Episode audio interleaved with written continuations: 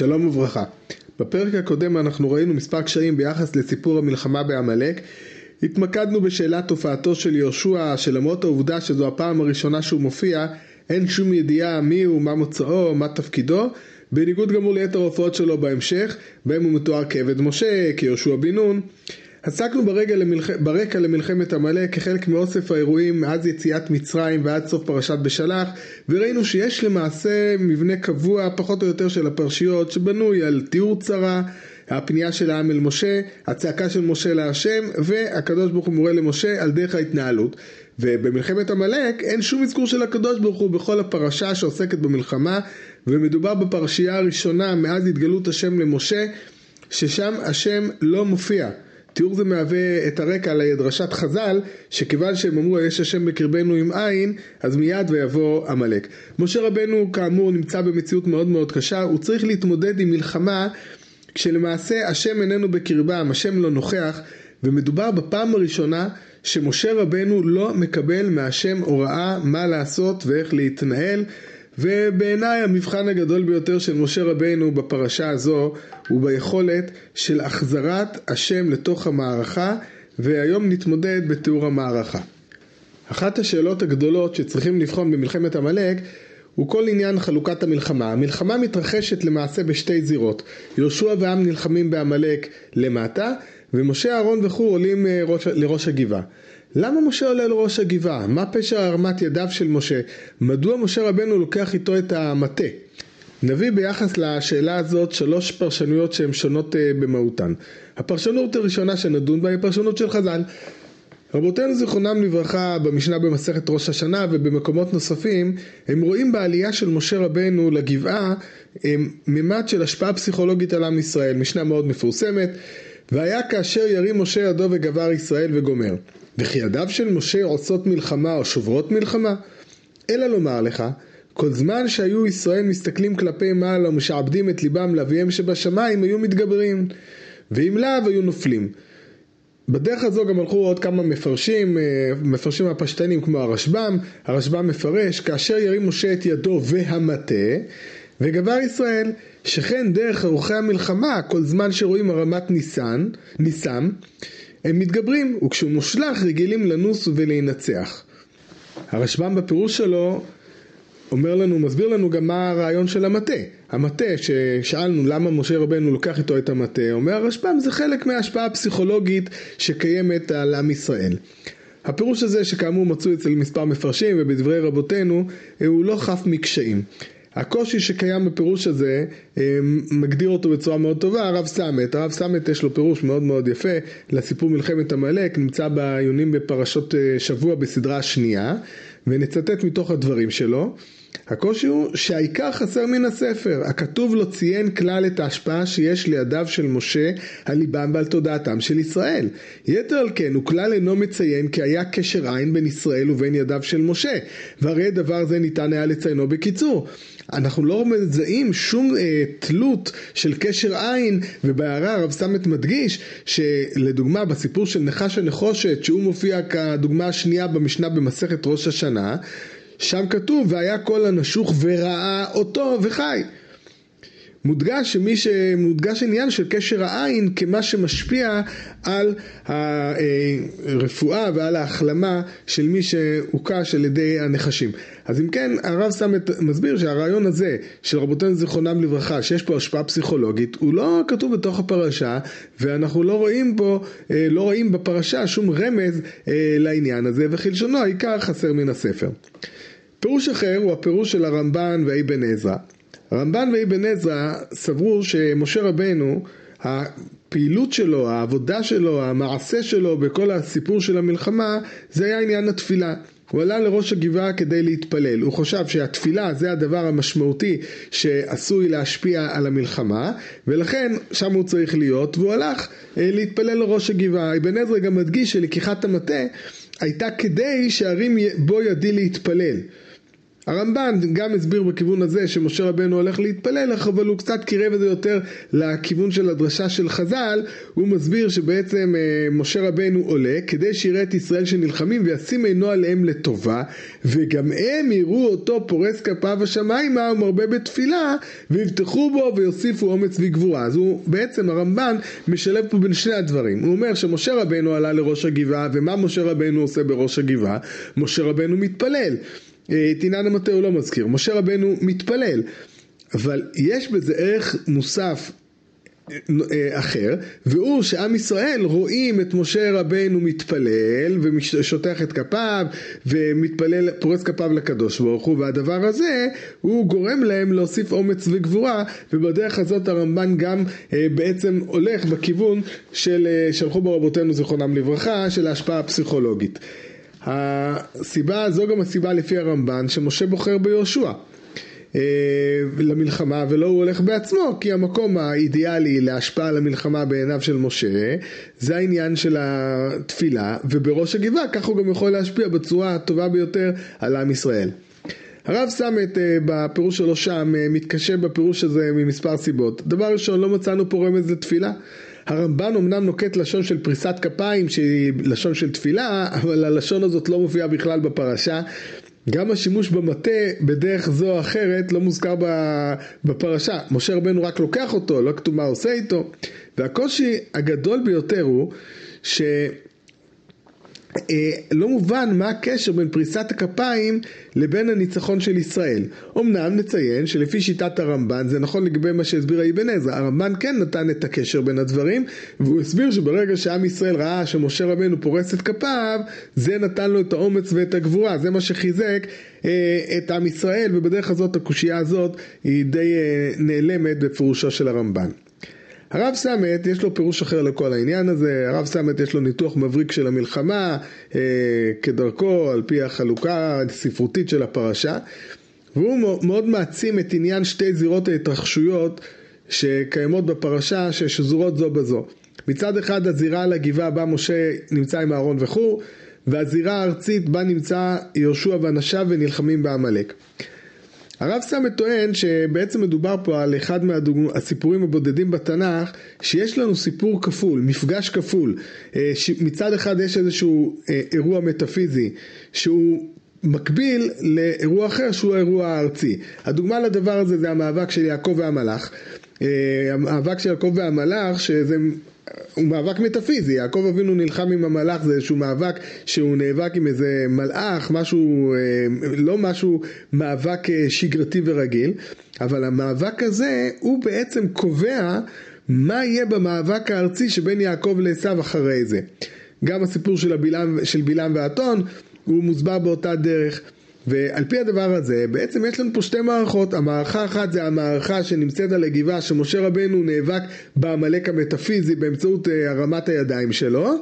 ומצד שני יש את המציאות בשטח המלחמה בשטח שהיא מושפעת ישירות מהסיפור שקורה באירוע השני של המלחמה המטאפיזית שנמצאת אה, על ראש הגבעה הדבר הזה הוא מתחבר להבנה רחבה יותר ולפי המערכה עם עמלק היא מערכה שקשורה בכלל לכיבוש הארץ עמלק מעוניין למנוע מישראל להיכנס לארץ, לארץ והוא תוקף אותם בחוליה החלשה שלהם בתחילת המסע ובכך הוא רוצה לשבש את המהלך הגדול של כניסת עם ישראל לארץ ישראל.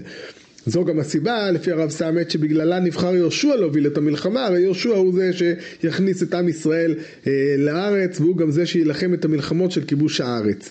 ו... כיוון שמדובר על מערכה שהיא בעצם הפתיחה של כל המלחמות של הארץ, יש כאן הדגשה שמעבר למערכה האנושית שקורית בשדה הקרב, יש מערכה אלוהית ובה השם נלחם לעם ישראל באויביהם וזה מסר מאוד מאוד גדול וחשוב למלחמות העתידיות של עם ישראל. נציין שהפרשנות הזאת היא בעיניי מאוד מאוד קשה. אה, הרב שם את עצמו בהערה שמעיר על הפער שקיים בין הסיפור של יעקב והמלאך ובלעם והאתון, בהם יש אירוע מטאפיזי שהוא קודם לאירוע הריאלי, והוא בעצם קובע את המהות שלהם. וכאן יש סיפור מסוג שונה לחלוטין, שהוא מתרחש אה, בד בבד במקביל. חוץ מזה לא מצאנו, לא מצאנו שהרמת יד נחשבת לסוג של אה, לחימה, יעקב נלחם עם המלאך, בלעם נפגש עם מלאך ואילו כאן משה רבנו מרים את ידיו עם איזה אויב אה, לא ברור שלא מופיע שם בתוך הפרשה. זה לא נראה כמו מימד של לחימה או התנגדות של משהו, למעט התנגדות בכובד הידיים של משה עצמו. גם השימוש במטה כנס הוא לא ברור, בפרשנות הזאת לא ברור איך זה מתקשר לכל המהלך של הדברים האלה, למה יש בו צורך. אה, נס זה מוד גבוה שנועד שכולם יראו אותו, ודווקא לפי הפרשנות הזו לא כל כך ברור למה צריך את המקל הזה. גם ההקשר של הדברים למהלך משמעותי ורחב היקף וראיית עמלק כמי שבא למנוע מישראל להיכנס לארץ ישראל, אה, אני לא כל כך אה, מזדהה עם זה. אה, ניגע בדברים האלה בהמשך. אין שום רמז בכתובים לעניין הזה, והעיקר חסר מן הספר. הטענות כנגד עמלק בספר דברים הם לא שהוא בא למנוע מעם ישראל להיכנס לארץ או משהו מעין זה, אלא הפוך, אשר קרחה בדרך. בפשטות זה מלשון מקרה, ולא מלשון של איזושהי כוונה ואיזשהו רעיון ואיזושהי אידאה מסוימת שעמלק אה, בא בגללו להילחם אה, בעמלק. אז ראינו כאן שלושה פירושים, את הפרשנות של חז"ל, שיש פה איזושהי השפעה פסיכולוגית, את הפרשנות של אה, אבן עזרא והרמב"ן שמשה רבנו הולך להתפלל, אה, הרמב"ן הוסיף לזה גם גוון של השפעה פסיכולוגית, והכיוון של הרב סמית שמשה רבנו נאבק למעשה על ראש הגבעה באיזשהו עמלק, באיזשהו מאבק מטאפיזי נגד עמלק, וזה מה שמשפיע על המלחמה אה, למטה. לאור הדברים שאנחנו דיברנו בפרק הקודם והזכרנו בתחילת הפרק הזה, נראה שהפירוש של חז"ל הוא ממש מתבקש והוא זה שתואם את הפשט של המקרא. אנחנו כבר הדגשנו את זה שרבותינו זיכרונם לברכה בחדות ההבחנה שלהם נתנו את דעתם לעובדה שהשם לא מופיע בפרשה באופן מאוד מאוד חריג ניסינו מעט להדגיש את זה ומתוך הדברים האלה ברור שהמטרה שעומדת בפני משה רבנו זה להחזיר את הקדוש ברוך הוא לתוך המערכה וכל הפעולות, ועכשיו נלך ונפרש איך כל הפעולות של משה רבנו וכל הציור של המלחמה הם בעצם נסובים, נסובים סביב העניין הזה. אה, עמלק מגיע ונלחם עם ישראל, המלחמה היא לא מלחמה חזיתית בישראל, הדבר הזה מוכח בספר דברים במצווה של מחיית עמלק, אשר קרחה בדרך ויזנב בך כל הנחשלים אחריך. כשמשה רבנו רואה את הצרה ואת גודלה, ומשה רבנו ער לעובדה שעם ישראל מצוי במדרגה רוחנית, במצב רוחנית של ניסיון, היש השם בקרבנו עם עין, הוא מבין שהמלחמה הזו היא תלויה בשאלת היכולת להחזיר את הקדוש ברוך הוא לקרב, להחזיר את הקדוש ברוך הוא לקרב ישראל. כל כוחו של ישראל נובע מהעובדה שהשם בקרבם, הדבר הזה מופיע במקומות רבים, בחטא המעפילים, אל תעלו כי אין השם בקרבכם, ולא תנקפו לפני אויביכם. ואחרי זה בתוכחה בפרשת, אה, בפרשת וילך יש לנו מופיע בתוכחה וחרה פי בו ביום ההוא ועזבתים והסתרתי פניי מהם והיה לאכול וכולי. ואמר ביום ההוא הלא כי אין אלוהי בקרבי מצאוני הרעות האלה משה מבין שהדרך להחזיר אה, את הקדוש ברוך הוא לעם זה חייב להיות על ידי השפעה מורלית על ידי השפעה רוחנית והוא שולח למלחמה דמות אנונימית ולא ידועה את יהושע. לכן זה גם הסיבה שאין פה אזכור של השם ושל הייחוס ושל יהושע. אין שום היגיון צבאי בלשלוח את יהושע למלחמה. יהושע הוא אנטיתזה של מי שאמור להוביל מלחמה כזו. לעתיד, לעתיד לבוא יהושע יוביל את עם ישראל למלחמות שלו, אבל עד אז יעברו הרבה דברים בעם ישראל ויהושע יוכיח את עצמו בחטא המרגלים ויהושע יקבל איזשהו מקום של אה, יותר מעמד. פה מדובר כרגע בנער כפי שנגלה בהמשך, דמות שהיא כאמור אנטיתטית לדמות של איזשהו מצביא למלחמה, היה שולח נחשון בן עמינדב או משהו מעין זה. יש פה איזשהו רעיון לשלוח למלחמה דווקא מישהו שלא בו תתעלה התקווה של uh, המלחמה. דרך אגב, המלחמות שיהושע הביא את ישראל יהיו רק אחרי מות משה. אפילו במלחמת מדיין בשנת ה-40 אנחנו לא רואים שיהושע מוביל את עם ישראל במלחמות האלה. אם כן, אז יהושע, משה שולח את יהושע בגלל שהוא הוא לא רוצה שעם ישראל יחשבו שהם הולכים פה אחרי שהוא מצביא ושהדבר הזה הוא זה שיגרום לניצחון במלחמה. הוא מציב את עצמו בראש הגבעה. הגבעה היא לא הר. אה, לא מצאנו הרבה מופעים של אה, גבעה כביטוי למקום גבוה בתורה. אה, יש כמה, מיד נזכיר אותם, אבל לא מדובר בהר. בדברים י"ב משמע את החילוק ביניהם. הבט תעבדון את כל המקומות אשר עבדו שם הגויים אשר אתם מרשים אותם את אלוהים על הערים הרמים ועל הגבעות ותחת כל עץ רענן. אז אנחנו רואים שהערים הרמים זה צד אחד והגבעות, כנראה שהגבעות הן לא רמות כמו אה, הערים. אה, אצל בלעם מצאנו שכי מראש צורים הראינו מגבעות אשורנו. אה, ואנחנו רואים פה שמשה רבנו עולה כאמור לגבעה. הגבעה כנראה היא מקום מורם, מקום גבוה, אבל לא המקום הכי אה, גבוה, זה לא מקום שלא רואים אותו. אה, לקיחת המטה היא מאוד ברורה לפי הפרשנות הזאת, הרי זה המטה שבו עושה את נפלאות השם, ומטה האלוהים, הוא גם נקרא פה בפרשה, מטה האלוהים בידי, הוא רוצה להחזיר את השם לעם ואת העם להשם, אז המטה השם שבו עושים את האותות הוא מאוד מאוד משמעותי. הדבר הזה משתמע גם בסוף הפרשה, משה מדגיש בסוף הפרשה, השם ניסי, השם הוא הנס שלו, ובהקשר הזה המטה אה, הוא זה שהפך להיות לנס, לדגל שלו, שבזכותו אה, ישראל ניצח את האויבים שלהם. האם העיקר חסר מן הספר? אני חושב שלא. העובדה שאנחנו משתמשים בביטוי גבר ישראל, אה, אפשר לראות אותו כאיזה משהו שהוא השפעה ישירה אה, על הדברים. משה רבנו נמצא במקום נראה וניכר, ולא צריך להזכיר את הראייה, שם הוא עומד. הוא, הוא, הוא ניצב במקום הזה, הוא לא נמצא על הר סיני, הוא לא נמצא על הר נבו, הוא נמצא על גבעה.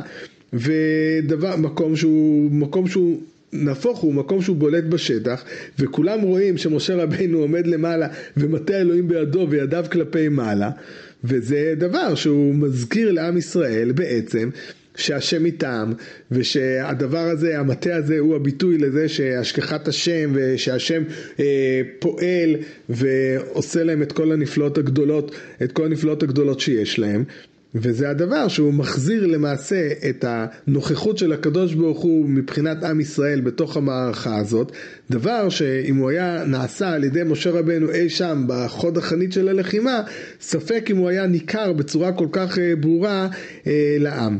הפרשה המשמעותית זה הפרשה שחותמת את אה, מלחמת עמלק בהקשר הזה. בפסוקים האלו אחרי שמשה רבנו למעשה מחזיר את הקדוש ברוך הוא פה בתוך ה, לתוך המערכה מכל נקודת מבטם של ישראל אה, מחזיר את אה, הקדוש ברוך הוא לישראל ואת אביהם שבשמיים לליבותם אה, של ישראל. מופיע השם בסוף הפרשה. אחרי שנגמרה המלחמה אז מופיע השם. ויאמר השם אל משה כתוב זאת זיכרון בספר ושים באוזני יהושע כי מחו עם חטא זכר עמלק מתחת השמיים ויבן משה מזבח ויקרא שמו השם ניסי ויאמר כי יד על כס המלחמה להשם בעמלק מדור דור. בפרשה הזאת השם אומר למשה שהמלחמה הזו היא למעשה מלחמה של השם. יהושע, הדמות האנונימית מהסיפור מקבלת מעמד משמעותי על שם העתיד, הקדוש ברוך הוא הולך להמשיך את המלחמה שהתחלנו כאן, משה רבנו קורא למזבח השם ניסי, ביטוי שהוא מבטא את המהות של המלחמה הזו, שהשם הפך להיות לנס, השם הפך להיות לדגל של המלחמה, הנס שנמצא בראש הצבאות, הנס שגורם ללוחמים ללחום את מלחמתם ולעם ישראל להבין שהקדוש ברוך הוא נמצא אה, איתם בכל מלחמותיהם. זה ברור שבכל מלחמה שאנחנו נלחמים הקדוש ברוך הוא נמצא איתנו והניצחון במלחמה הוא למעשה ניצחון שהקדוש ברוך הוא נותן לנו את הכוח ומסייע בידינו לנצח את המלחמה הזו. אבל הסיפור של מלחמת עמלק הוא קצת שונה. הסיפור של מלחמת עמלק הוא בא להראות לנו פה שהקדוש ברוך הוא הוא לא רק אה, משפיע מלמעלה, הקדוש ברוך הוא הוא נוכח בתוך המלחמה הזאת, הוא, הוא נמצא בתוך המלחמה הזאת כפי שהוא היה בכל ההתנהלות של עם ישראל מאז אה, תחילת התגלות אה, השם למשה במצרים, דרך המכות, קריעת ים סוף ועד אה, למלחמות דרך כל ההתנסויות במדבר ועד למלחמה הזאת. בקיצור, לאור כל מה שראינו בשני הפרקים האלה אפשר לומר שפרשת מלחמת עמלק היא ממשיכה את הקו של הפרשיות שקודמות לה, היא מבליטה את הקשיים שיש לעם ישראל, את האמונה החלשה הנסדקת בקלות וצריכה להיבנות. אה, את התלות של, של עם ישראל בקדוש ברוך הוא בכל הליכתם במדבר ואת הצורך שהקדוש ברוך הוא יהיה קיים, נוכח, אה, ממשי בכל המסעות שלהם. העובדה שעם ישראל לא הכירו בזה, זה הדבר שהוביל למלחמת עמלק, שבה לכאורה השם נעדר, הוא לא נמצא בתחילת המלחמה, אבל משה רבנו באמצעות ההתנהלות שלו והעלייה שלו עם מטה האלוהים לגבעה ועל ידי זה שהוא את המלחמה עצמה הוא משאיר לאיזה מישהו אנונימי כדי שלא יתלו בו את ניצחון המלחמה, במעשה הזה משה רבנו הופך את הקערה ולמעשה מחזיר את הקדוש ברוך הוא לקרב ישראל ולליבותם ובכך הדבר הזה, אה, משה רבנו בדבר הזה מוביל לניצחון הגדול שיש במלחמה. הדבר שנשאר לנו עוד לענות עליו ויותר מנינו עליו זה השאלה הגדולה שעומדת אה, ברקע כל הדברים, למה המעשה של עמלק הוא כל כך חמור, למה עמלק אה, זכה לעונש כל כך ייחודי ונצחי אה, עם טווח שנים מאוד מאוד מאוד אה, גדול בגלל המעשה שהוא עשה פה במדבר, בשביל זה אנחנו צריך אה, להבין מספר דברים, נצטרך להבין מהו עמלק, לשם מה הוא בא אה, להיפגש עם ישראל ואת הדברים האלה נעשה בעזרת השם.